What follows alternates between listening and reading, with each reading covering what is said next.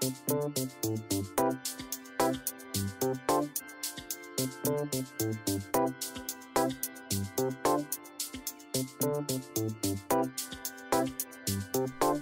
pendengar, selamat datang kembali di podcast Dokter Pribadi. Kembali di sesi yang ke-27. Selamat datang untuk Anda yang baru pertama kali mendengarkan podcast kami atau buat Anda yang sudah menjadi pendengar setia. Bersama saya, host podcast ini Haryadi Wijaya.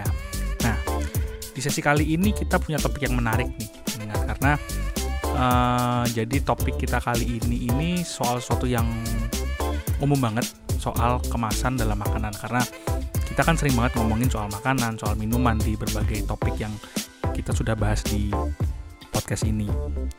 Nah, di di sesi kali ini kami bakal ditemani oleh Dr. Francisca Eltania di mana beliau ini akan berbicara soal plastik sebetulnya. Jadi karena ada mitos di masyarakat kita yang sering menghubungkan plastik itu dengan berbagai banyak macam penyakit atau implikasinya pada kesehatan kita. Nah, buat lebih jelasnya, yuk langsung simak obrolan kita. Halo dokter, dokter Elta. Halo. Bagaimana kabarnya Halo. ini? Selamat siang. Siang. Menjelang sore ya. Iya. ya. Bagaimana kabarnya dok? Baik. Kabar saya luar biasa. Nah, dokter dokter Elta ini kan dosen ya dok ya? Dosen di Ya. Maranatha Bandung ya dok? Iya, farmakologi. Farmatologi. Nah, Iya. ini dok, jadi di sesi kali ini tuh kita tuh punya itu dok, ada ya pertanyaan sih dari pendengar kita yang ini. Sebenarnya dengan dengan dengan kemajuan masyarakat kita sekarang, kayak makanan-makanan kemudian minuman itu kan dikemas dengan berbagai macam rupa lah, demi alasan Iya. kepraktisan, efisiensi dan sebagainya.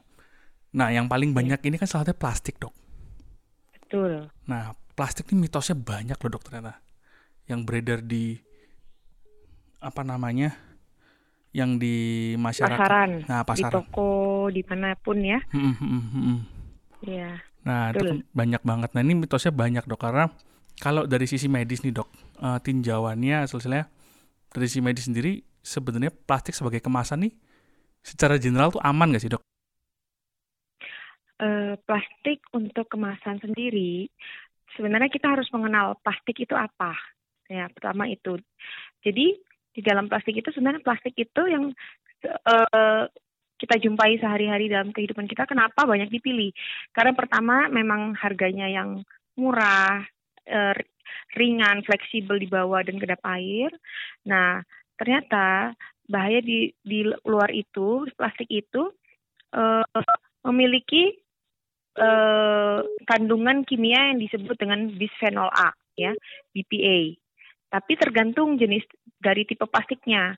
Ternyata plastik sendiri memiliki eh, banyak jenisnya. Hmm. Makanya di, di biasanya di bawah dalam di setiap di, di bawah Kemasan plastik tuh ya? eh, botol ya atau tempat makan atau tempat minum itu ya ada eh, lambang dari food grading untuk eh, keamanan eh, dari plastik itu sendiri gitu Hmm, hmm. gitu pernah lihat ya Ada nah di kode-kodenya bawah kan? itu kan ada ada angka satu sampai tujuh. ya nah itu memiliki arti sendiri-sendiri.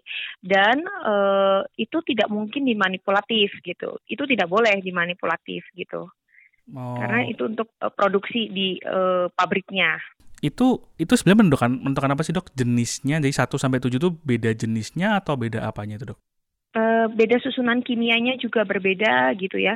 Ada yang eh, pemakaiannya, misalnya nih tipe 1 itu eh, singkatannya tuh PET ya, polyethylene terephthalate. Itu contohnya ada di botol jus, misalnya botol minuman kemas eh, sekali pakai gitu ya. Itu eh, itu hanya boleh satu kali dipakai, itu tidak boleh dipakai berulang gitu. Hmm, oke. Nah, tipe 2 dia de- disebut HDPE atau high density polyethylene. Itu misalnya di botol susu yang boleh dipakai beberapa kali, tapi ada ada ada apa ya indikasinya kapan dia tidak boleh dipakai. Nah, yang ketiga itu ada polivinil klorida PVC. Hmm. Nah, misalnya ini juga banyak kita jumpai misalnya di botol jus buah, eh, botol minyak goreng gitu ya. Eh, ini PCV ini yang uh, tidak boleh digunakan secara berulang, tidak boleh sama sekali. Okay. Yang keempat itu ada LDPE uh, low density uh, polyethylene. Nah, tadi kan nomor dua itu yang high density, yang ini yang low density-nya, hmm. yang lebih rendah. Itu misalnya botol-botol bumbu penyedap rasa ini tidak boleh digunakan secara berulang. Okay. Yang kelima itu ada uh, pipi uh, polipropilen. Nah, ini biasanya kita jumpai pada kemasan-kemasan yang aman. Uh, simbol nomor lima ini. Hmm. Uh, beberapa sim yang kita kenal ada uh, jenis merek tertentu yang bisa kita gunakan secara berulang. Nomor 6 itu ada uh, eh, PS, dia biasa di uh, biasa kita jumpai juga di uh, di styrofoam atau tempat minum yang sekali pakai atau oh. sendok garpu plastik, kontainer plastik ya yang biasa uh, mereka tulis boleh dipanaskan untuk di microwave itu kode 6. Hmm. Nah, kode 7 itu itu yang mengandung BPA ya, itu yang tidak boleh dipakai. Namun yang mengerikannya di pasaran itu banyak botol-botol yang saya lihat bahkan yang harganya cukup mahal itu memiliki kode 7 tapi mengklaim dia tulisannya BPA free. Nah, yaitu. Oh, oke okay, oke okay, oke. Okay. Nah, tadi ngomong soal itu kan ngomong sebenarnya dari tadi yang selalu jadi salah satu yang jadi jadi apa ya yang jadi uh, pemahaman di masyarakat itu adalah mitosnya gini. Uh, botol nggak mau botol tapi kemasan plastik itu dikatakan berbahaya jika digunakan berulang kali. Sebenarnya balik lagi jenisnya apa tadi dulu? Itu ya dok ya berarti? Atau gimana? Betul betul sekali betul. Ya hmm. tergantung jenisnya Tergantung jenisnya berarti. Nah, sebenarnya ya. karena gini, pemahamannya masyarakat, oh plastik itu bahan kimia. Ketika plastik itu digunakan sebagai kemasan, terus istilahnya, terutama nih, sebenarnya kalau yang tadi jenis, jenis dokter ngomong yang jenisnya ada tujuh tadi itu, itu menentukan itu juga nggak dok? Apa namanya, eh, keamanannya dia dari kena panas dan sebagainya. Karena kan ada juga informasi yang mengatakan gini, oh ada plastik itu nggak boleh kena panas. Jadi kalau minuman tuh kena panas, kena matahari atau minuman tuh, apa tahu makanan atau minuman tuh dipanas itu kimianya ke ke makanan atau minuman tuh gimana tuh? Sebenernya... Oh iya, betul sekali. Oke, ini ma e, masalah panas ya. Hmm. Dari ketujuh jenis plastik ini, semuanya itu uh, disarankan untuk tidak digunakan sebagai wadah makanan yang ber, uh, yang panas. dengan suhu yang panas ya atau misalnya dipanaskan di dalam microwave ya meskipun dia mengklaim uh, bahwa itu bisa dipanaskan di microwave kalau bisa ya tidak digunakan dengan bahan plastik gitu hmm, oke okay. ya karena uh, plastik itu dia meskipun dia ada misalnya nomor yang lebih berbahaya itu kan nomor yang aman ya misalnya nomor 2, 4, 5 dia lama-lama uh, jika di, dengan pemanasan berulang atau pencucian dengan deterjen atau dengan makanan tinggi lemak, dia akan meluluhkan si uh, uh, plastik itu dan juga akan mengeluarkan zat-zat yang tidak baik buat kesehatan. Misalnya, hmm. misalnya botol ke, uh, air minum mineral gitu ya, hmm. hmm. air mineral uh, air nomor satu gitu misalnya, yang kode nomor satu itu ya misalnya untuk air ke mana kemasan minum itu Eh, ketika kena panas misalnya di mobil hmm. atau di garasi yang tertutup atau di mana pun ya dengan suhu panas dia akan uh, memuai dan dia akan meluluhkan uh, si zat-zat kimia yang ada di dalam botol itu. Hmm. Nah, nah ternyata dari penelitian dari berbagai jurnal penelitian diteliti bahwa kandungan-kandungan uh, dari botol-botol plastik itu mengandung BPA ya. BPA itu memiliki struktur uh, seperti estrogen. Hmm. Struktur seperti estrogen. Uh, estrogen itu adalah hormon uh, pada wanita ya. Hmm. Nah, di tubuh kita ini memiliki uh, reseptor, jadi penerima di dalam sel tubuh kita nih ada namanya reseptor. Nah, si reseptor estrogen juga ada di dalam sel kita. Si reseptor ini, uh, si reseptor estrogen ini akan mengikat semua struktur yang bentuknya seperti estrogen. Gitu. Oh, Bukan oke. hanya estrogen saja. Salah satunya adalah BPA ya. Hmm. BPA ini memiliki struktur yang sangat mirip dengan estrogen, mirip struktur ikatan eh, kimianya gitu. Hmm. Nah, ketika dia menempel pada reseptor estrogen di dalam tubuh, dia akan meng- eh, si BPA ini bisa mengganggu eh, bisa mengganggu metabolisme sel ataupun mengganggu eh, pertumbuhan sel dan bahkan bisa menyebabkan mutasi sel di dalam tubuh. Ya, salah satunya bisa menyebabkan kanker. Eh, no wonder ya jika angka kanker di Indonesia itu bisa meningkat. Ya, Oh. salah satunya kanker payudara. Kanker payudara ya karena memang strukturnya si plastik ini mirip dengan bentuk estrogen hormon wanita. Oh, Jadi oke. ya, jadi kanker yang banyak dijumpai salah satunya kanker payudara. Eh, gitu ceritanya. Oh, itu karena tadi ka- karena istilahnya harusnya istilahnya tubuh ini, terutama di tubuh wanita nih harusnya dia mengikat estrogen, tapi yang terjadi ini malah dia mengikat BPA itu tadi ya, Dok ya. Iya, betul. Semua yang struktur seperti estrogen ya dia ikat, termasuk salah satunya BPA. Tidak Hmm. hanya hormon estrogen yang dia ikat. Hmm, ya ya ya ya. Nah, begitu. Nah, tidak hanya itu, eh, tidak hanya kanker payudara, ternyata dia juga bisa ganggu tuh eh, untuk kesuburan ya. Kesuburan untuk eh, pada wanita bisa menyebabkan PCOS, polycystic ovarium syndrome ya, misal kista ya, kita sering hmm. dengar ya. Iya. Cewek kena kista udah usia muda ya. Kita harus kita harus cermati apakah kita harus tanya riwayat hidupnya yang lalu bagaimana. Terus dia ternyata juga bisa menyebabkan pubertas dini, gangguan hormonal. Karena dia memang mengikatnya bermainnya di hormonal si BPA ini. Gangguan puber- eh, pubertas dini. Terus pada laki-laki bisa gangguan nggak kan estrogen tuh hormon perempuan. Ya. Ternyata juga bisa berefek pada laki-laki dia juga bisa terjadi eh, gangguan dari bentuk dan jumlah sperma, kualitas sperma dia bisa eh, terganggu. Oh. Nah, selain itu bisa juga eh, menyebabkan kanker selain payudara, misalnya kanker usus juga begitu.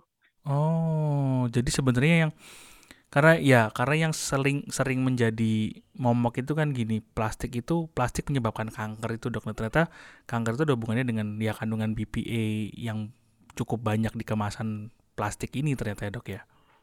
Iya. Gini, kalau gitu pertanyaan adalah kan ada tuh dok, misalnya ya ada beberapa merek lah atau bahkan ada produk-produk tertentu yang cenderung premium. Kalau kalau setahu saya dari segi harga dan sebagainya itu yang mengatakan bahwa mereka itu adalah food grade container istilahnya. Iya. yang misalnya bisa katanya bisa digunakan untuk pemanasan di microwave untuk bisa digunakan berulang kali. Itu apakah memang benar bisa memang ada jenis plastik yang memang aman dalam artian untuk kemasan makanan yang kemudian dipanaskan didinginkan dan sebagainya itu Oh, kalau saya sendiri eh, menyarankan tidak menggunakan wadah plastik dengan label ataupun kode apa pun untuk eh, sebagai tempat pemanasan makanan dalam microwave. Oke Ya, saya sendiri tidak menganjurkan hal itu. Ya, hal ini kita untuk menghindari kontaminasi zat-zat kimia yang mungkin saja terjadi ketika wadah itu dipanaskan. Hmm. Oke, Ya. oke. Kalau gitu alternatifnya apa, Dok? Karena kan kemasan mostly plastik sekarang, Dok.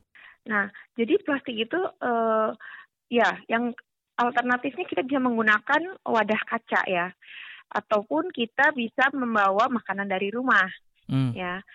Nah, sebenarnya plastik yang aman itu adalah plastik misalnya kode 4 dan 5 gitu ya. Hmm. Kode 5 aja misalnya. Hmm. Bagaimana tanda-tanda plastik itu masih safety untuk kita pakai? Hmm. Yang pertama, tidak ada perubahan warna. Yang kedua, dia tidak ada goretan. Nah, itu masih bisa di, aman dipakai. Oke. Tapi ketika mulai sudah ada goretan, nah artinya su- eh, sudah mulai ada perusakan dari struktur kimia di, di plastik itu. Nah itu sebaiknya udah di tidak dipakai lagi gitu. Atau perubahan warna, misalnya pada botol susu. Jadi kan yang yang yang kita kenal kan cuma dari botol-botol makanan atau minuman Ya. yang paling mengerikan kan sebenarnya paparan dari bayi. Botol susu, dot, mainan anak Nah, itu ya. mengerikan sekali kalau terpapar dari bayi terpapar oleh plastik-plastik ini apalagi eh, dengan plastik yang kualitas eh, kualitas yang Kurang- kurang baik ya. eh, ti- ya yang tidak baik eh, apa nomornya ya gitu Oh, jadi oh iya ya, berarti bukan cuma kemasan itu aja tapi termasuk itu ya. Bahkan ya bisa dikatakan ya. alat makan ya. juga mungkin, Dok. Ya, alat makan. Lalu makanan-makanan berkaleng agar makanan itu awet dan tidak apa ya teroksidasi dengan uh, dan tidak membuat karat dari kaleng makanan itu juga dilapisi oleh BPA. Jadi sebaiknya tidak memakan uh, makanan berkaleng uh, secara secara apa ya? Secara sering bahkan hindari makanan berkaleng seperti itu. Hmm, kalau kaleng ada, ya. ada ada BPA di dalam di dalamnya gitu sih dilapisin untuk supaya nggak berkarat gitu ya, dok ya? Iya, ada ada BPA-nya. Jadi ya sebaiknya kita uh, tidak menggunakan uh, apa ya tidak memak meng mengkonsumsi makanan-makanan berkaleng juga gitu. Karena di dalam kaleng itu juga terdapat BPA dilapisi oleh plastik di dalamnya. Hmm. Gitu. Berarti kalau gitu yeah. Iya. uh, memang kenyataan karena kan sering dok yang yang saya sering lihat ini ya terutama uh, orang orang kita ini kan sangat kreatif. Jadi kadang biasanya dapat sendok plastik dari istilahnya makanan take away atau atau garpu plastik alat makanan plastik. Itu habis selesai dipakai cuci lagi simpan lagi besoknya dipakai lagi tuh dok. Itu nggak nah, aman juga berarti? ya itu sebenarnya tidak aman dipakai gitu. Sebenarnya uh, apakah uh, eh, BPA itu uh, sebegitu mengerikankah gitu ya? Mm -hmm. maksudnya mm -hmm. uh, langsung merubah struktur? Ya tidak juga sebenarnya. Dia itu akumulatif sebenarnya. Cuman yang kita yang kita aware itu kalau penggunaan plastik dari bayi ya dari kecil secara terus menerus akumulatif nah itu yang harus kita cegah gitu betapa hmm. mengerikannya kalau dari anak bayi mulai dari botol susu dotnya hmm, hmm. lalu piringnya ya sekarang kan piring-piring supaya takut anak-anak pecah ya supaya aman pakai plastik ya hmm. kayak hmm. gitu mungkin, nah, mungkin lalu mainannya hmm. titernya gigit-gigitannya kerincingannya semua dari bahan plastik ya ya itu yang harus kita lihat itu uh, kode nomor berapa dan hmm. kalau memang sudah ada goretan dari plastik itu atau perubahan warna sebaiknya diganti. Yang saya pernah lihat kan pemakaian botol jangka waktu lama tidak diganti-ganti, yeah. terus pemanasan berulang-ulang lagi ya di sterilizer atau direbus ya. Hmm, hmm. Nah itu juga sebaiknya dihindari ya dikeringkan saja di suhu ruang gitu.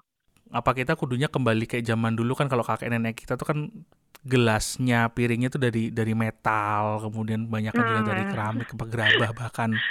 Ya itu lebih aman ya. Hmm. Kalau saya sih supaya nggak terkena BPA ya, supaya mengurangi paparan BPA, ya pertama kita jangan memanaskan uh, makanan-makanan itu uh, dalam wadah plastik di microwave.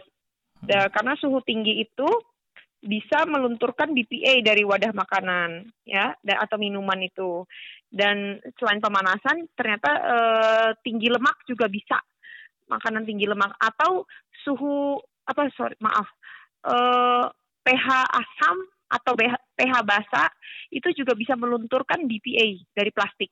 Oh, Oke. Okay. Ya, misalnya kita nyimpan acar ya, ya, ya di ya. wadah-wadah plastik itu, ya itu hati-hati itu bisa luluh juga BPA-nya. Kan acar misalnya itu dengan pH asam kan ya. Kayak begitu, ya. Hmm, berarti akhirnya ketika kita ngomong uh, hubungannya plastik dengan kesehatan terutama kanker kan yang sering kita dengar terus di masyarakat yeah. tuh gara-gara hubungannya dengan itu. Berarti istilah berarti sebenarnya istilah apa ya itu ada ada misuse lah kalau kalau saya bilang ya dari cara iya. penggunaan yeah. kemasan plastik ini ya, Dok ya. Betul, betul. Iya, iya, iya, iya. Makanya sekarang kan banyak gerakan hayu hejo, itu benar sekali.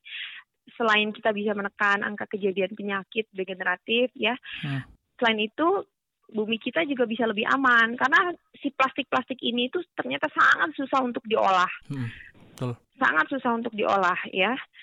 Jadi bahkan ada yang sampai puluhan tahun tergantung jenis plastiknya. Nah, kita harus memikirkan uh, generasi ke depan kita. Betapa kasihannya berat betapa beratnya PR mereka untuk mengelola plastik ini. Dan tentunya itu sangat berbahaya buat kesehatan masyarakat ya. Ya, ya, ya, betul sekali. Karena plastik ini juga ternyata uh, saya dulu ngiranya plastik tuh ngeri nge-recycle-nya gampang. Terus susah juga ya dia nggak bersih nggak bisa di recycle terus jenisnya ternyata ada banyak juga ternyata. Masukan dari saya uh, daripada membungkus makanan lebih baik kita makan di tempat ya karena itu juga bisa mengurangi uh, paparan BPA pada tubuh kita dan mengurangi penggunaan plastik dalam kehidupan kita sehari-hari. Jadi sebenarnya ketika kita ngomong hubungan plastik dengan penyakit, terutama kanker, yeah. balik lagi adalah sebenarnya kita yang bisa preventif dengan bagaimana cara menggunakan plastik itu tadi ya dok ya. Iya betul betul betul. Makanya plastik betul. itu dilarang, tapi sebenarnya ada cara aman menggunakan plastik gitu. Iya. Oke. Okay. Terima kasih sekali waktunya buat Dokter Elta okay. di sela-sela kesibukannya okay. ini. Iya, terima kasih untuk undangannya. Untuk Anda yang ingin bertanya lebih lanjut mengenai topik sesi kali ini atau mengobrol dengan tim dokter di podcast dokter pribadi atau bahkan ingin menyampaikan saran mengenai topik-topik yang ingin dibahas di sesi-sesi selanjutnya, sapa kami di Instagram karena sekarang podcast dokter pribadi punya akun Instagram di @dokter.pribadi.official. Sekali lagi akun Instagram kami ada di @dokter.pribadi.official.